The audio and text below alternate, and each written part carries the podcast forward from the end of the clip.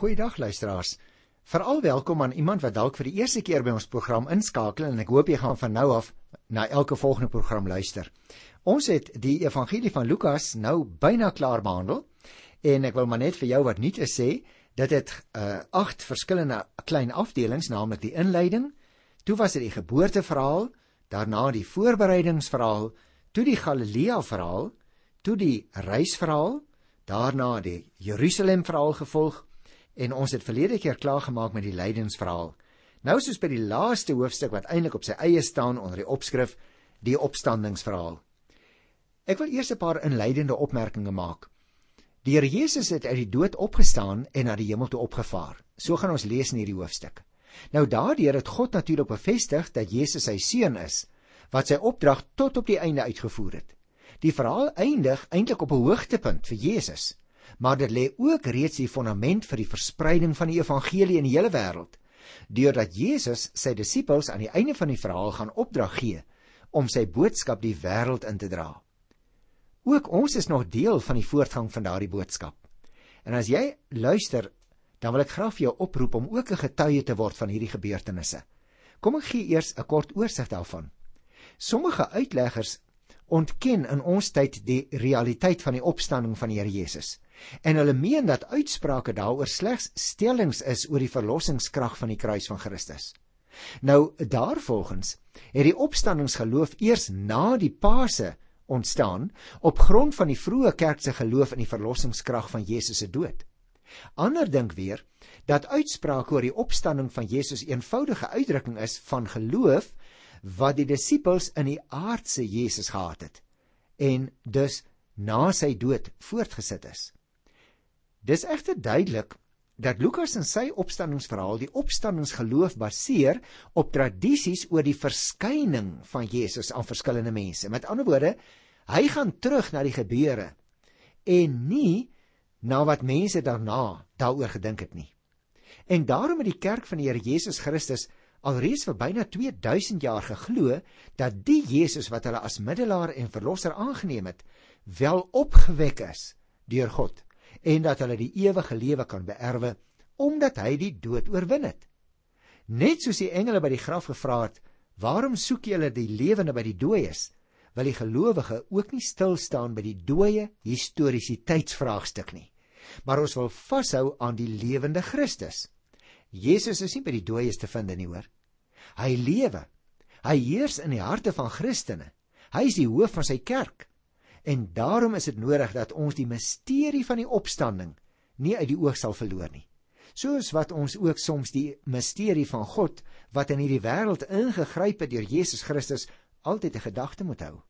Dit wat ons glo, kan per slot van sake nooit volledig rasioneel verklaar word nie. Nou na daardie paar belangrike dink ek inleidende opmerkings, kom ons lees die eerste 7 verse van Lukas 24.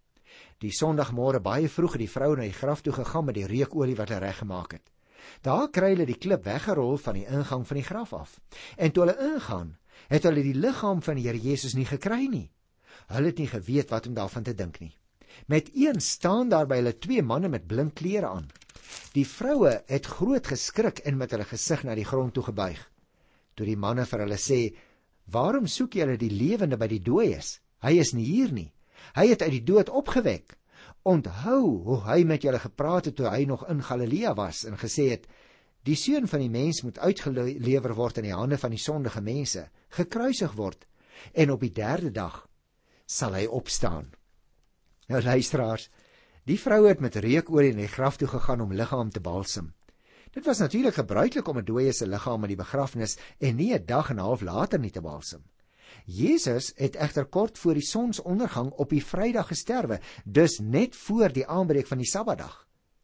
Josef moes dus eers toestemming kry, dis nou Josef van Arimatea, moes eers toestemming kry by die owerheid om Jesus se liggaam te gaan begrawe. En daarom was daar waarskynlik nie meer genoeg tyd om hom te balsem voor die Vrydag aand aangebreek het en die Sabbat begin het nie. Die vroue het dus daardie aand huis toe gegaan en die Sabbat daar deurgebring volgens die voorskrifte.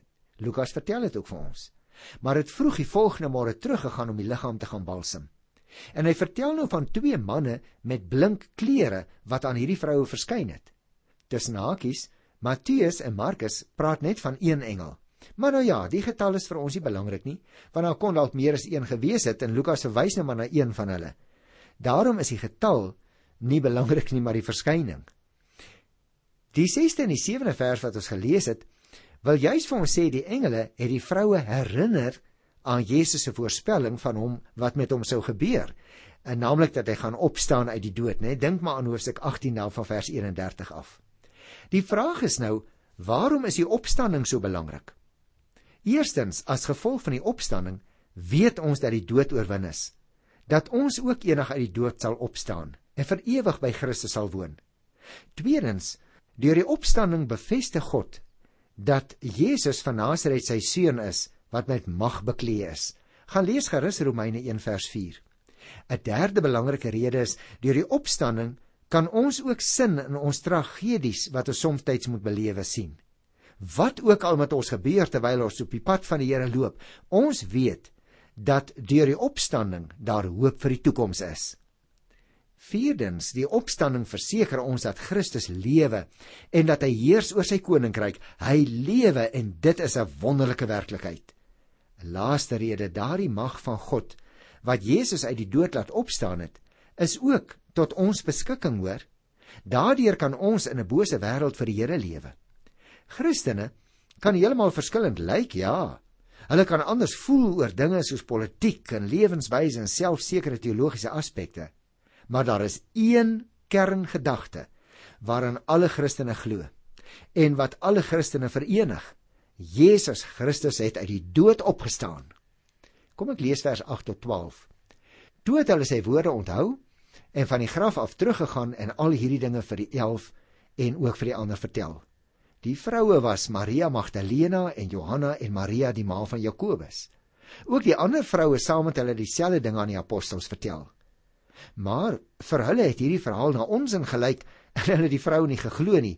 Petrus het egter opgespring en na die graf toe gehardloop. Toe hy daarvoor oorbuk, sien hy net die doeke. Vol verwondering oor wat gebeur het, is hy toe terug huis toe. Dis interessant, nê? Die vroue het alles aan die apostels gaan vertel. Hulle name word genoem en dit beklemtoon hulle rol in hierdie gebeure. Maar wat 'n leerstelling, die apostels glo dit nie.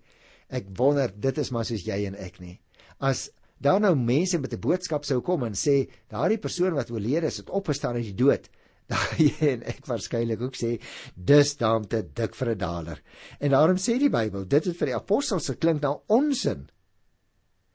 Hulle berig het Petrus egter laat opspring om na die graf toe te hardloop. En wat hy daar sien, sê die Bybel is net die doeke en vol verwondering is hy dan terug huis toe vers 11 en 12 vertel vir ons dat mense vir die eerste keer van die opstanding hoor en hulle het dit ook mo moeilik gevind om die volle omvang daarvan dadelik te verstaan. En dan beweeg hulle, net soos die disippels deur verskillende fases van geloof. Byvoorbeeld nommer 1. Hulle dink dalk aanvanklik dat dit onwaar is omdat dit onmoontlik is om te glo. Maar tweedens, hulle stel moontlik net soos Petrus ondersoek in na die feite maar hulle bly steeds verstom oor die onbegryplikheid van dit wat gebeur het. Derdens is hulle slegs in staat om die werklikheid van die opstanding te aanvaar as hulle Jesus persoonlik ontmoet en dit is baie belangrik. Vierde ding. Dis eers wanneer hulle hulle self volkome aan die Here Jesus wy en in alle opsigte vir hom lewe dat hulle die werklikheid van sy teenwoordigheid in die lewe in hulle eie lewens ook regtig eers begin verstaan. En daarom interessant, ek wil graag vir jou net daarop wys hoe dat Paulus ook die opstanding verskriklik hoog aanslaan. In 1 Korinte 6 vers 14 staan daar dat ons ook fisies opgewek sal word. In Efesiërs 2 vers 6 skryf Paulus: "In Christus Jesus het God ons al reeds geestelik saam met hom opgewek." En in Kolossense 2 vers 12 sê hy: "Deur ons verbondenheid aan Christus is ons ook opgewek. Met ander woorde, die Here Jesus se opstanding uit die dood het vir ons konkrete geloofsbetekenis. En nou kry ons hierdie verhaal van die Emmausgangers wat 'n uh, 'n paar manne is en ek gaan dit maar net so oorsigtelik vir jou vertel wat kort daarna ook op 'n ander manier met die Here Jesus te maak sou kry. Jy sien, die verhaal hier in Lukas 24 vers 13 tot aan die einde van vers 35 is baie interessant. Ten spyte van talle pogings om te verklaar waarom hierdie twee volgelinge van die Here Jesus hom nie herken het nie, bly dit eintlik 'n raaisel. Die spanning in die verhaal wat ek nou nog gaan lees, bou eintlik voortdurend op totdat die twee manne Jesus uitnooi om by hulle tuis te gaan en dan gaan hulle en hy breek by hulle brood en eers as hy die brood breek om te eet, dan herken hulle hom. Hulle was in elk geval so besig met hulle eie teleurstellings oor hulle meester wat dood is en probleme dat hulle nie genoeg aandag gegee het aan die vreemdeling wat saam met hulle geloop het nie. Nou kom ek lees 'n paar verse van die verhaal. Vers 13 sê op dieselfde dag was twee van hulle, dis nou van die disippels, op pad na 'n dorpie met die naam Emmaus, 2 km van Jerusalem af. Hulle was 'n gesprek met mekaar oor al hierdie dinge wat gebeur het. Terwyl hulle so gesels en gedagtes wissel, het Jesus self nader gekom en saam met hulle geloop. Maar hulle oë is verhinder om hom te herken. Hy vra hulle toe: "Wat is dit wat julle so ernstig met mekaar loop en bespreek?" Met somber gesigte het hulle gaan staan en een van hulle met die naam Kleopas antwoord Jesus: "Is u dan die enigste vreemdeling in Jerusalem dat u nie weet wat die dinge is wat die afgelope paar dae daar gebeur het nie?" Hy vra hulle toe: Watter dinge? Hulle antwoord hom: Die dinge in verband met Jesus van Nasaret, 'n profeet wat magtig was in die woorde en in die daad voor God en die hele volk. En hoe ons priesterhoofde en lede van ons Joodse raad hom oorgelewer het om te dood veroordeel te word en hom gekruisig het. Ons het so gehoop dat dit hy is wat Israel sou verlos. Jy sien luisteraar, hulle het nog dieselfde verwagting gehad hè. Maar boonop voeg hulle by, is dit vandag al die derde dag van al hierdie dinge gebeur het. Vers 24 sê sommige van ons mense het ook na die graf toe gegaan en dit net so gekry soos die vroue gesê het, maar hom het hulle nie gesien nie. Ag, is dit nie erg nie. Jesus het 'n wye disipelkring gehad, wyer as die van die 12. En hierdie twee mense, die een is Kleopas en die ander se naam ken ons nou nie. En nou is hulle teleurgesteld wat se kan glo. Want jy sien, die disippels van Emmaus het op Jesus gereken om Israel te verlos. Het ons nou nog gelees daar in vers 18. Die meeste Jode het natuurlik geglo dat die Ou Testamentiese profesieë op 'n politieke en militêre Messias dui. En hulle het nie besef dat die Messias gaan kom om mense wat sondaars is met God te versoen nie.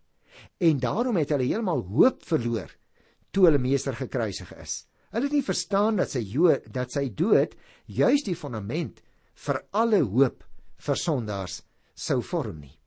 En daarom moes dit so 'n wonderlike ervaring gewees het juis vir hierdie mense toe hulle uiteindelik 'n ontdekking maak. Kom ek lees daarvan hierso van vers 28 af. Toe hulle by die dorpie aankom waar hulle op pad was, het Jesus gemaak of hy wou verder gaan. Hulle het egter by hom aangedring en gesê: "Bly by ons want dit is amper aand en die dag is al amper verby." Toe het Jesus ingegaan om by hulle oor te bly. Terwyl hy saam met hulle aan tafel was, neem hy brood, vra die seun, breek dit, gee dit vir hulle. Dan hierdie wonderlike vers 31. Toe gaan hulle oë oop en hulle het hom herken. Maar hy het uit hulle gesig verdwyn. Hulle sê toe vir mekaar: "Het ons harte nie warm geword toe hy op die pad met ons gepraat het en vir ons die skrif uitgelê het nie?" Hulle het dadelik opgestaan en in Jerusalem toe teruggegaan. En daar kry hulle die 11 van die ander mense bymekaar en die sê die Here het regtig opgestaan en hy het aan Simon verskyn. Toe vertel hulle wat op die pad gebeur het en hoe hy aan hulle bekend geword het toe hy die brood gebreek het. Met ander woorde luisteraars, hier het ons dus twee groepe mense aan wie die Here onafhanklik verskyn het. En die ouens kom dadelik terug, ou Kleopas en sy vriend. Hulle gaan terug Jerusalem is omtrent 'n afstand so van 12 km. Maar toe hulle daar aankom, ontdek hulle ander mense het nou ook al agtergekom dat die Here Jesus opgestaan het uit die dood. En so versprei die berig van sy opstanding natuurlik nou baie vinnig. En daarom dink ek moet ons tog net hier kyk wat hier pertinent staan in die laaste verse wat ek gelees het. Hulle het dadelik opgestaan in Jerusalem toe teruggegaan en daar kry hulle die ander 11 disippels en jy onthou wat ek gelees het. Jy sien luisteraar, hierdie ontdekking moet hulle vir die ander mense in Jerusalem gaan vertel. En toe hulle daar aankom, word hulle begroet met die wonderlike nuus: die Here het regtig opgestaan en hy het aan Simon verskyn. Twee groepe disippels dus met dieselfde getuienis kom hier by mekaar uit. En ek wil dit pertinent uitwys omdat dit juis in die branding staan in ons tyd. Dat mense sê ag, die opstanding is 'n tradisie wat later ontstaan het. En hier kry ons nou twee groepe mense wat onafhanklik van mekaar teenoor mekaar getuig. Ons het die Here gesien, hy het werklik opgestaan. Jy sien die berig oor die verskyning aan Petrus is wat hier nou Simon genoem word, is juis bedoel om aan te toon dat Petrus na sy verloning ook weer in ere herstel is. Wat 'n wonderlike Here is die Here Jesus tog nie. Tussen hakies. Paulus sê ook dat Jesus net aan Petrus verskyn het in 1 Korinte 15 vers 5. Maar die verskyning word uh, nie in die evangelies beskryf nie. Dit is dus ooggetuies wat dit oorgedra het en vir Paulus vertel het en hy teken dit dan aan uh, dat die Here Jesus aan Petrus persoonlik verskyn het in 1 Korinte 15 vers 5. Ons lees natuurlik ook nog aan ander uh, disippels aan wie hy verskyn het, maar dit gaan ons nou nou doen. Die Here Jesus was naamlik besorg oor Petrus omdat hy so onwaardig gevoel het nadat hy sy meester verloon het. Petrus het egter gou berou gekry en die Here Jesus het hom vergewe. Die Here sou hom binnekort gebruik om aan die kerk te help bou. Maar dit gaan ons nou nou lees. Nou kom ons lees nou hier by Lukas 24 van die 36ste vers af en ek wil eers net daai een versie lees. Terwyl hulle nog oor hierdie dinge praat, staan Jesus self met eens daartussen hulle en sê vir hulle: "Vrede vir julle." Ag ek wonder luisteraars of daar iets is wat hulle meer nodig gehad het as vrede. En die wyse waarop die Here Jesus se verskyning aan sy disippels nou beskryf word, sê dat dit net so skielik was as sy verdwyning uit hulle gesig toe byvoorbeeld hy weggegaan het van die Emmausgangers. Die vrede vir julle was natuurlik ook die gebruikelike Joodse groet maar ek dink dit het ekstra swaar en belangrike betekenis vir hulle gehad. Die Here Jesus was dus nie 'n gees of 'n visioenie hoor. Die disippels het aan hom geraak. Ons gaan nou nou sien, uh, hy het saam met hulle geëet. Die feit dat hy dus onverwags verskyn en net ook weer so verdwyn het, dui tog vir ons daarop dat hy meer as net 'n mens was. Is dit nie waar nie? En dit laat jou en my dink aan die soort opstanningsliggaam waarvan Paulus praat wanneer hy vir die Korintiërs skryf. Gaan lees maar van daardie opstanding en die opstanningsliggame 1 Korintiërs 15 van vers 42 af. Nou maar goed, ek haas my na vers 37 tot 43. Hulle het geweldig geskrik en bang geword en gedink hulle sien 'n gees. Hy sê toe vir hulle: "Waarom is julle so verskrik? Waarom is daar twyfel in julle harte? Kyk na my hande en my voete. Dit is tog ek self. Voel aan my en kyk. 'n Gees het tog nie vleis en bene soos julle sien dat ek het nie." En terwyl hy dit sê, wys hy vir hulle sy hande en sy voete. Terwyl hulle nog van blydskap en verwondering nog nie kon glo nie, sê vir hulle: "Het julle hier iets om te eet?" Hulle gee hom toe 'n stuk gebakte vis. Hy het dit gevat en voor hulle oë geëet. Daar het ons dus nog 'n bewys luisteraars dat daar geen twyfel kan wees nie. Jesus se skielike verskyning in sy opstanningsliggaam het die disippels laat skrik en bang word, maar hy stel hulle gerus. Luister nou na vers 44. Daarna sê hy vir hulle: Dit is die betekenis van die woorde wat ek vir julle gesê het ek nog by julle was, naamlik dat alles vervul moet word wat in die wet van Moses en die profete en die psalms oor my geskryf is. Toe open hy hulle verstand oor die skrif dat hulle kan verstaan.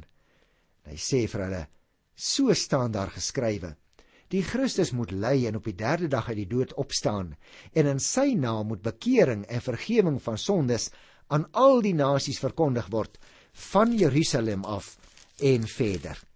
Nou luisteraars, Lukas sê in die boek Handelinge vir ons, die ander boek wat hy geskryf het, nê, dat Jesus 40 dae lank saam met sy disippels was voordat hy na sy opstanding na die hemel toe opgevaar het.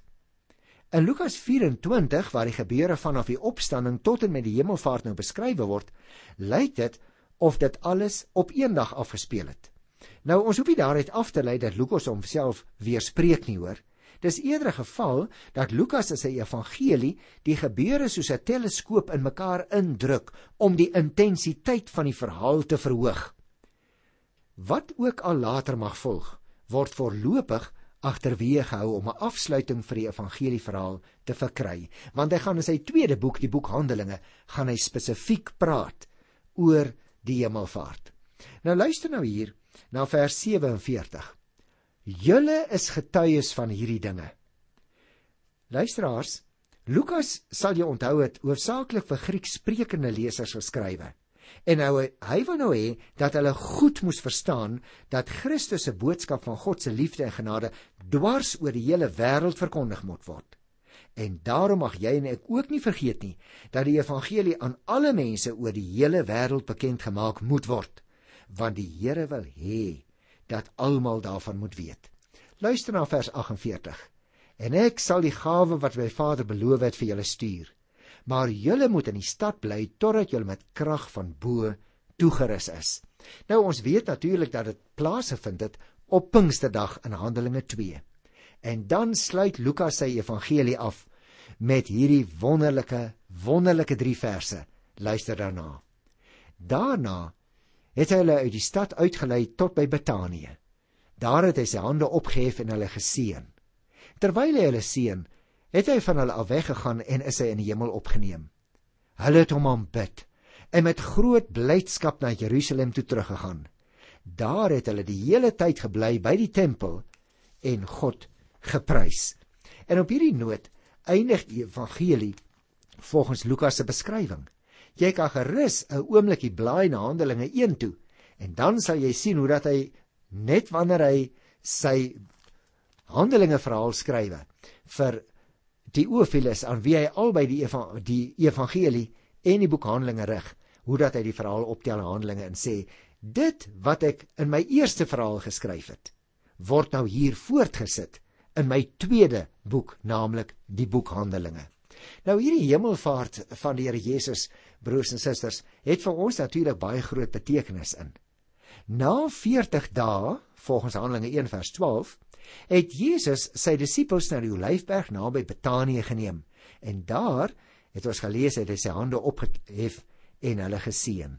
Nou net soos die mense dwars deur die evangelie gedoen het as hulle die wonderdade van God ondervind het, so is die disippels na die hemelvaart ook vervul, het ons gelees, met groot blydskap terwyl hulle God prys. En daarmee luisteraars, bring dit ons dan by die laaste 2 verse. Jy sien, die Here Jesus is nie meer liggaamlik by ons of soos destyds by disippels teenwoordig nie. Daarna sou die Heilige Gees kom om in ons te woon 1 Korinte 3:16 en ook om ons toe te rus om die goeie nuus van die verlossing aan almal te verkondig. So vertel Handelinge 2 vers 1 tot 4. En daarom kon die disippels na die hemelvaart terugkeer na Jerusalem en die verhaal word dan afgesluit met die opmerking dat hulle die hele tyd in die tempel was waar hulle God aanbid het. Dis altyd vir my so wonderlik as ek lees van hierdie vreugde wat daar in hulle harte was.